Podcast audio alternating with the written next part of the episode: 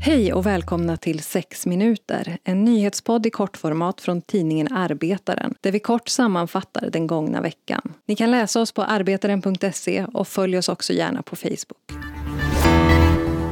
Imorgon lördag hålls höstens första demonstration mot marknadshyror i Stockholm.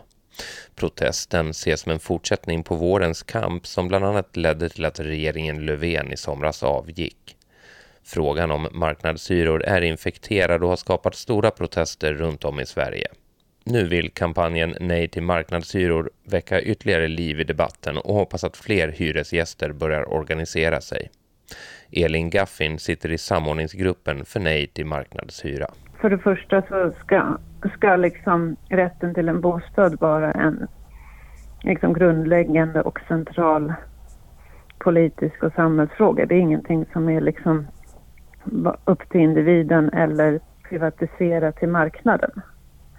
Så det ska liksom samhället bygga kring. Eh, att förse alla med den rättigheten. Det sa alltså Elin Gaffin från kampanjen Nej till marknadshyra. Demonstrationen samlas vid Sergels torg i centrala Stockholm imorgon lördag klockan två. Möbeljätten IKEA kritiseras nu för att de inte skrivit under ett avtal i syfte att förbättra arbetsmiljön för textilarbetare i Bangladesh.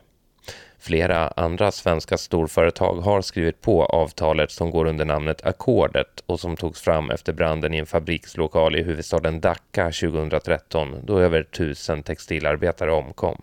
Arbetsmiljöavtalet är juridiskt bindande och ger fackföreningar rätt att inspektera fabrikerna i Bangladesh där tiotusentals personer arbetar under närmast omänskliga villkor. Men Ikea vägrar som sagt att skriva under och hänvisar istället till sin egen uppförandekod och hållbarhetspolicy.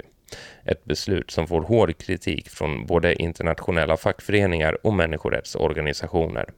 Företagens egna kontroller håller ofta inte måttet. Till exempel kontrollerades klädfabriken Rana Plaza av företagets egna inhyrda konsulter innan kollapsen utan att det upptäcktes att byggnaden riskerar att rasa ihop, säger Maria Sjödin på organisationen Fair Action till Arbetaren. Läs mer om IKEA och de andra svenska företag som inte heller skrivit på för att förbättra arbetsmiljön i Bangladesh på arbetaren.se.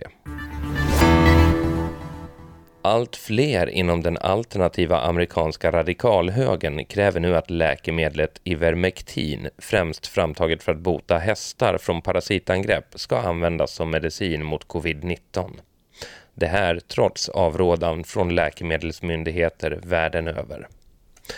Det var i måndags som 64-årige Veronica Wolski, en anhängare av den högerradikala konspirationsteorin Qanon, som bygger på tanken om ett internationellt satanistiskt pedofilnätverk styrt av det demokratiska partiet, avled på ett sjukhus i Chicago i sviten av corona. Utanför sjukhuset hade en grupp andra Qanon-konspiratörer samlats för att protestera. De menade att Volskis liv skulle kunna ha räddats om hon hade behandlats med läkemedlet, som alltså främst är framtaget för veterinärt bruk mot parasiter. Bland annat mordhotades en av de läkare som vårdat Veronica Volsky och hennes död har spett på konspirationsteorierna kring den pågående pandemin ytterligare, enligt tidningen Chicago Tribune. Annan vårdpersonal i USA har också vittnat om hur de har hotats av människor när de talat om vikten av att vaccinera sig.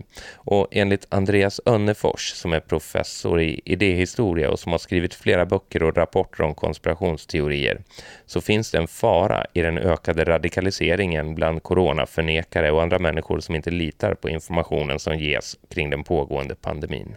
Och den, den nästa nivån av fara ligger i att att de här radikaliserade människorna tillgriper våld mot till exempel då arbetare inom hälsosektorn. Um, sjuksköterskor, läkare och annan medicinsk personal. Eller att attackera deras uh, resurser, till exempel göra attacker på vaccincentraler eller slå sönder uh, intensivvårdsavdelningar för att de kanske skulle tycka att uh, sanningen döljs och sådana här saker. Det sa Andreas Önnefors som är professor i idéhistoria vid det tvärvetenskapliga nätverket European Academy of Science and Arts.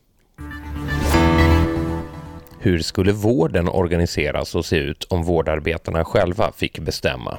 Det var en av många frågor som diskuterades under förra helgens tvärfackliga omvårdnadskonferens i Stockholm som samlade vård- och omsorgsarbetare från hela landet. Arbetaren var på plats under konferensen och pratade med flera deltagare som berättade om situationen inom vården och viljan att organisera sig. Läs hela reportaget och mycket annat på arbetaren.se. Det här var veckans sex minuter. Vi hörs igen nästa fredag.